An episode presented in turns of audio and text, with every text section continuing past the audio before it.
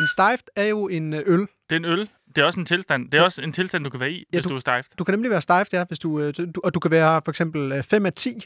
Du kan også være 9. Du kan også være 9 af 10, så, så er du begyndt at være rigtig stejft. Så er du...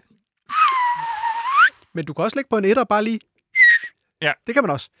Rasmus, øh, jeg er glad for, at øh, du er med på det her radioprogram. Jeg er glad for, at jeg måtte. Vi har fået et radioprogram ude på Loud. Radio ja. Ja. Loud, Rasmus. Radio Loud. Og øh, det er jeg rigtig, rigtig glad for. Det er jeg også. Er du også det? Nej. Nej, jo, du er. Jo ja. Ja, det er du.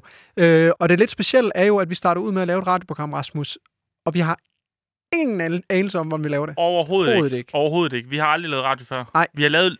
Nej, vi har aldrig lavet det rigtigt. Nej, aldrig sammen sådan rigtigt. Aldrig... Nej. Vi har, Skal- gæst... vi har gæstet noget, men hvor det i hvert fald altid... For, for mit vedkommende gik dårligt. Det gik af helvedes det for dig. Og hvad hedder det? Nu står vi i et studie her, og vi, der er knapper, og der er mikrofoner og sådan noget. Skal vi bare lige tjekke, om øh, lyden fungerer? Skal vi lige høre om lyd? Øh, Martin, kan du høre mig?